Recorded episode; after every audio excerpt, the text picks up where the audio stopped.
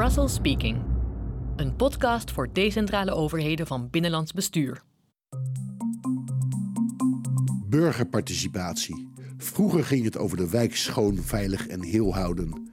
Nu praten burgers ook mee over de toekomst van de Europese Unie. Eh, Het, het centrale punt van deze conferentie is de actieve deelname van, eh, eh, van de burgers die op een objectieve manier werden geselecteerd aan, eh, aan het uittekenen van een toekomst voor de Europese Unie. It's complete novelty. It's innovative process, never seen, very brave one. No democracy in the world has ever tried to do something similar. Dat is inderdaad heel uniek, eh, want inderdaad in deze zaal vergaderen normaal de, men- de leden van het Europees Parlement. En dit weekend eh, zijn het dus 200 burgers die hier voor die Europese burgerpanels eh, zijn.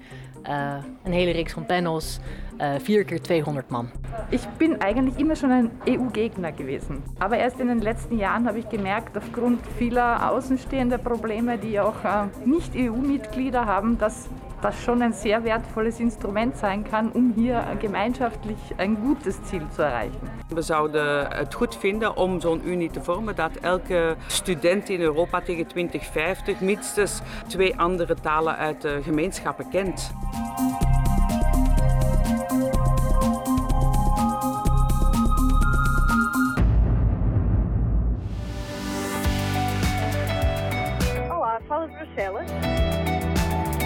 σας, παρακαλώ, από τις Βρυξέλλες. Hallo, hier Brüssel. Brussels Speaking, een podcast voor decentrale overheden van binnenlands bestuur. Over het klimaat, digitalisering, democratie en samenwerken over de grens. Simon Trommel is onze reizende EU-correspondent. Hij haalt u informatie op in Brussel en Straatsburg en elders uit de Europese Unie. Duitse politicologen zeggen het zo. De Europese Unie is geen ervarings-, herinnerings- en communicatiegemeenschap. Anders dan een land dat vaak in honderden jaren groeit en zo een identiteit ontwikkelt. Maar daar gebeurt nu wat aan met de conferentie over de toekomst van Europa. 800 willekeurig uitgekozen burgers debatteerden de afgelopen maanden volop over de toekomst van de Europese Unie. Dat gebeurde in Straatsburg, Dublin, Florence, Maastricht en Warschau. Het is de bedoeling dat lidstaten, Europees Parlement, nationale parlementen en de Europese Commissie die aanbevelingen over het klimaat, over migratie en bijvoorbeeld over de positie van de Europese Unie in de wereld in het najaar meenemen in hun debat hoe de Unie slagvaardiger kan worden. De conferentie over de toekomst van Europa is een discussie met burgers uit 27 landen in 24 talen met simultaanvertaling. Het is nog nooit vertoond op aarde, zegt Eurocommissaris Dubravka Šuica voor democratie en demografie. Het is compleet nieuw. It's complete novelty. It's innovative process, never seen, very brave one. No democracy in the world has ever Het is nog nooit vertoond, zegt. Eurocommissaris come Zij vinden het belangrijk dat de burger deel uitmaakt van beleidsvoorbereiding op Europees niveau. Want de burger kan ook versterkend werken. part of policy drafting at European level. To tell them that it's not Brussels bubble, but that they can influence European policy. This is for us very important, and for me myself. and then they can talk about subjects like migration, climate. We- They can talk Op de vraag waarover ze mee kunnen praten, zegt Šuica dat over over gesproken uh, kan worden. Met negen find aan onderwerpen, zoals migratie, Europese Unie in de wereld, klimaat, waarden, democratie, is alles gedekt, denkt zij. And in four citizens clusters, everything is covered. But if something is, un- is not covered, they can come out with their ideas. Ik was in Straatsburg en sprak daar met een aantal mensen die midden in de debatten staan. Sanne de Rijk is woordvoerder van het Europese parlement en ze legt uit wat er gebeurt in de hemicycle, waar normaal ruim 700 politici zitten. Miro Stojanov van het Algemeen Secretariaat, voor wie zulk direct contact met de burger ook nieuw is. En ik spreek de Belgische hoogleraar Cato Leonaar, die zegt dat participatieve en deliberatieve democratie, dus de meepratende burger, de probeerfase voorbij is. Maar die zo'n veeltalige omgeving heel speciaal vindt. Sanne de Rijk, jij bent eh, persvoorlichter van het Europees Parlement. Ik zag hier in deze plenaire zaal eh, gisteren 200 burgers zitten. Is dat uniek? Dat is inderdaad heel uniek, uh, want inderdaad in deze zaal vergaderen normaal de, men, de leden van het Europees Parlement. En dit weekend uh, zijn het dus 200 burgers die hier voor die Europese burgerpanels uh, zijn. een hele reeks van panels, vier keer 200 man. Ja, want wat gebeurt er allemaal dit weekend? Dat is dus, het maakt eigenlijk deel uit van de conferentie voor de toekomst van Europa. En die burgers die zijn hier om deel te nemen en om na te denken aan wat de uitdagingen zijn in Europa, wat hun prioriteiten zijn. En om aanbevelingen te maken over hoe die dingen beter moeten worden aangepakt. En gaat er ook wat gebeuren met hun mening? Natuurlijk uh, is het zeker de bedoeling dat er niet alleen geluisterd wordt naar de burgers, maar dat er ook iets mee wordt gedaan. Dus um, die aanbevelingen die hier uitkomen, die zullen ze overmaken aan de andere delen van die conferentie. Dus dat zijn dan uh, Europarlementsleden, uh, nationale parlementsleden, afgevaardigden van de Raad, van de Commissie, van sociale partners, maatschappelijk middenveld en nog een heel aantal andere instellingen. En samen met, met hen allemaal is het de bedoeling dat ze dus de conclusies komen volgend voorjaar over welke richting Europa uit moet gaan. Heb jij in je werk voor de Europese Unie of voor het Europese parlement ooit wel zoiets meegemaakt? Nee, nee. Wij hebben, we zien heel veel bezoekers. We zien heel veel andere manieren inderdaad. Maar dit is wel een, een, een unicum. Dit is de eerste keer dat burgers echt deel uitmaken van het proces. Miro Stojanov, jij bent van het algemeen secretariaat van de conferentie, als ik het goed zeg. En is het druk? Jazeker, jazeker. Het gemeenschappelijk secretariaat van de conferentie is opgebouwd door collega's van het parlement, van de commissie en van de raad. En samen zijn we verantwoordelijk dat eigenlijk alle delen van de conferentie op een goede manier plaatsvinden. Dus wij zijn er om te zorgen dat de conferentie in zijn geheel goed werkt.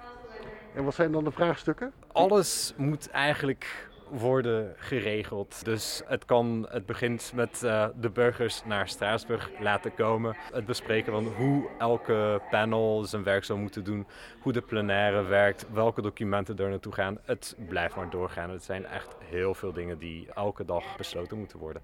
En krijgt natuurlijk veel meer van de ideeën waarmee de burgers komen. Uiteindelijk proberen wij ons afstandelijk te houden van het proces. Het zijn de burgers die met hun ideeën moeten komen en moeten hun ideeën doorspelen aan de plenaire van de conferentie, waar de burgers zelf zitten, maar ook de politici van het Europees Parlement, nationale parlementen, van de commissie en ook afgevaardigden van de raad. Heb je de burger wel zo dicht van, van dichtbij gezien in je, in je huidige werk? In mijn werk tot nu toe nooit van zo dichtbij. Maar dat geldt natuurlijk niet voor iedereen die hier werkt. Want wij houden ons bezig met de organisatie hiervan. En wij vertrouwen op experten die echt heel gespecialiseerd zijn in uh, het besprekingen met burgers. En er staat er een van die experts staat naast ons, en dat is uh, Cato Leonard. U bent specialist in participatieve en deliberatieve democratie, hè? Ja, dat ben ik uh, al tien jaar. Heeft u al goede ideeën gehoord? Ik heb zeker goede ideeën gehoord, maar het uh, leuke aan deze participatieve en deliberatieve processen is dat je diverse burgers samenzet. En het is hier toch een unicum, want het is voor het allereerst dat er uh, over verschillende landen heen burgers met elkaar in gesprek gaan. En dat is toch wel uitermate vernieuwend en een historisch moment eigenlijk. Want vroeger werd het alleen op lokaal niveau geprobeerd? Vroeger, nee, het uh, wordt volop op lokaal niveau geprobeerd. Het wordt op lokaal niveau geprobeerd, op federaal niveau wordt het toegepast. We zijn de probeerfase voorbij. De methodologie is er, de manier waarop we moeten doen, het moet gewoon toegepast worden. Ja, maar ik ken uit Nederland de wijkplatforms, eh, zeg maar, die kent u waarschijnlijk ook wel. Is dit een soort superwijkplatform? Het hangt af van de onderwerpen natuurlijk. Uh, op lokaal niveau ga je meer praten over lokale aangelegenheden, van uh, hoe moet mijn wijk herorganiseerd worden of hoe kunnen we meer groen krijgen of dit soort zaken. Hier zitten we in het Europees Parlement en hier heb je uh, discussies die meer op het Europese niveau gevoerd worden. Waar je het houdt, uh, waar je het voert, de discussie, bepaalt eigenlijk ook een stukje mee de agenda. Want je gaat natuurlijk geen discussies voeren op nationaal niveau op iets wat enkel lokaal kan ingesteld worden en vice versa natuurlijk. Maar de grote vraag is natuurlijk uh, volgens mij bij participatieve democratie en vooral bij del deliberatieve democratie, uh, wat gebeurt er eigenlijk mee? Wat gebeurt er met de, de inspraak van de burgers of de medespraak? Klopt dat? Dat is de eerste vraag die je moet stellen wanneer je eraan begint. Is wat gaan we doen, maar wat ga je doen met de resultaten? En daar moet een heel duidelijk traject en een duidelijk antwoord op zijn van degene die het heeft geïnstalleerd of degene die het inderdaad organiseert. Is dat er een duidelijke visie is van na dit proces zal er met deze antwoorden, zullen die wetgeving worden bijvoorbeeld, dat is het mooiste natuurlijk, of zullen ze parlementair besproken worden, of zullen ze in de gemeenteraad besproken worden en komen wij terug met waarom we bijvoorbeeld iets wel of niet hebben aanvaard. Dat traject is zeker zo belangrijk als het traject van de burgers die betrokken worden. Ja. Is, is dat hier op een goede manier gebeurd, vindt u? Ik heb Guy Verhofstadter horen zeggen wat het traject uh, zou zijn. Dus ik uh, heb uh, absoluut volle vertrouwen in dat het ook die, die weg zal volgen. Heeft u al goede ideeën gehoord? Oh ja, zet diverse burgers samen en je krijgt altijd goede ideeën. Noem eens een voorbeeld. Een voorbeeld, in mijn groep is er een discussie geweest over bijvoorbeeld, uh, we moeten zorgen dat uh, Europa terug één blok wordt en dat antwoord kan bieden op China en Amerika. Maar dat we daar ook moeten kijken van op welke waarden willen we inzetten. Moet dat louter economisch of kunnen we ook op sustainability daar het voortouw nemen en daar een antwoord bieden tegenover de andere grootmachten. Maar het gaat ook over bijvoorbeeld van we zouden het goed vinden om zo'n unie te vormen dat elke student in Europa tegen 2050 minstens twee andere talen uit de gemeenschappen kent. Maar dan met een certificaat, met taalcertificaat. Dus dat zijn uh, allemaal zeer mooie voorbeelden. Die kunnen leiden tot een uh, beter en sterker Europa. Dat, waar de burgers beter kunnen genieten van uh, hoe ze leven, hoe ja. ze samenleven. Voor veel ambtenaren en politici is het de eerste keer dat ze zo dicht bij de burger staan.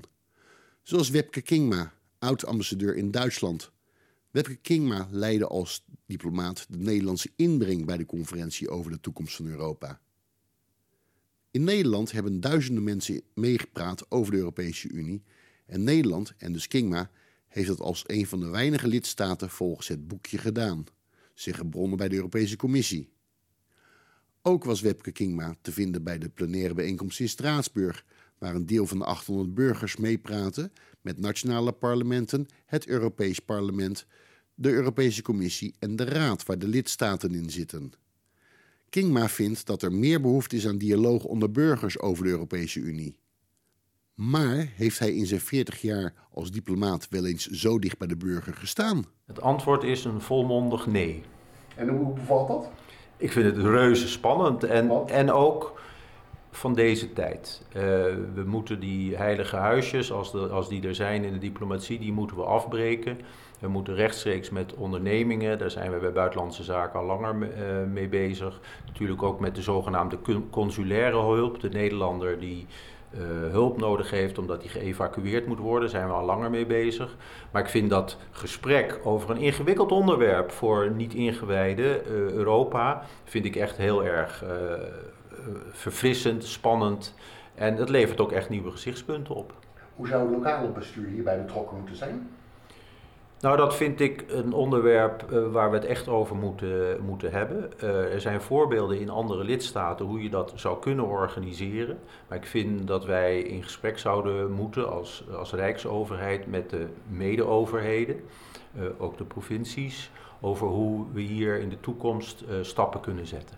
In en dan hier stappen te zetten, bedoelt u in de democratische participatie van de burger? Er zijn verschillende vormen van stappen zetten. Uh, ik denk dat er enorme behoefte is ook aan informatie en gesprek over Europa. Dat hoeft niet meteen invloed uitoefenen uh, te zijn. Ik denk dat de eerste stappen zijn informatie en dialoog. Uh, en of je dan naar, naar, de, naar participatie moet gaan naast het goede Nederlandse democratische systeem, dat, dat zien we dan wel. Een van de aanbevelingen is dat er ook meer onderwijs moet zijn over de Europese Unie. Dat zeggen de burgers, waarvan Kingma een paar aanbevelingen even kort samenvat. De burger wil. Ook dat er meer informatie moet komen over die besluitvorming in Europa, hoe dat in zijn werk gaat, maar ook hoe dat inhoudelijk in zijn werk gaat. En dat hoor je ook in heel veel andere landen. En verder wat je ook heel veel hoort, is dat uh, Europa slagvaardiger moet zijn in de wereld. Zowel op het gebied van de handel als op het gebied van ja, de buitenlandse betrekkingen, op het gebied van veiligheid.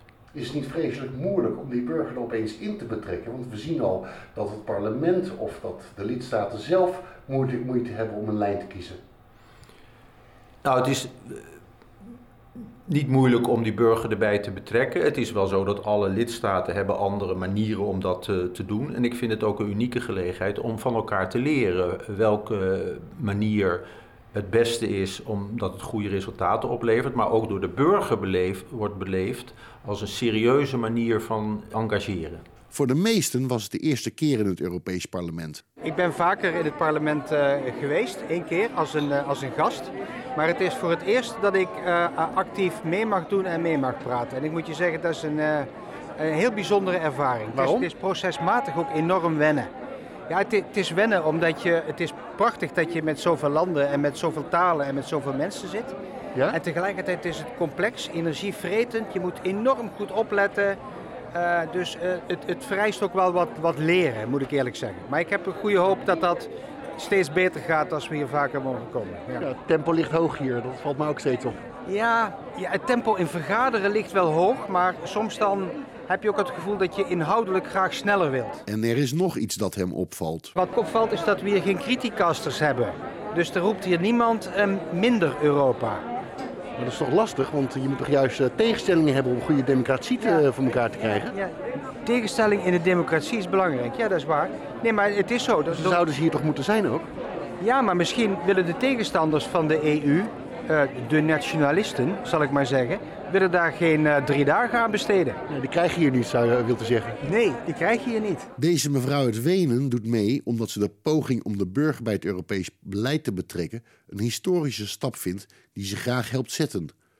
Vroeger was ze heel kritisch op de Europese Unie. Ik ben eigenlijk immer schon een EU-Gegner gewesen. Ach zo. Ja, um, aber ik ben eigenlijk altijd anti-Europese Unie geweest.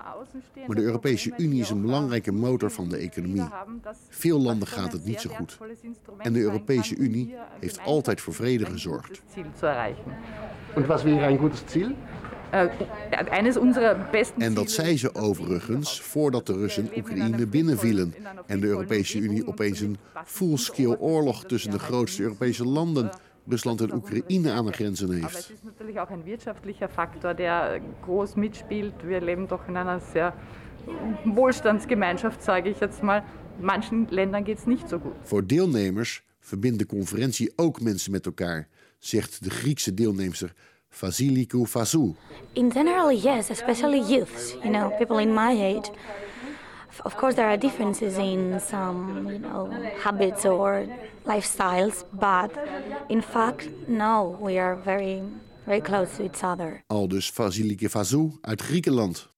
Uit onderzoek van het Comité van de Regio's bleek dat een paar lokale en regionale bestuurders uit Nederland de conferentie kennen.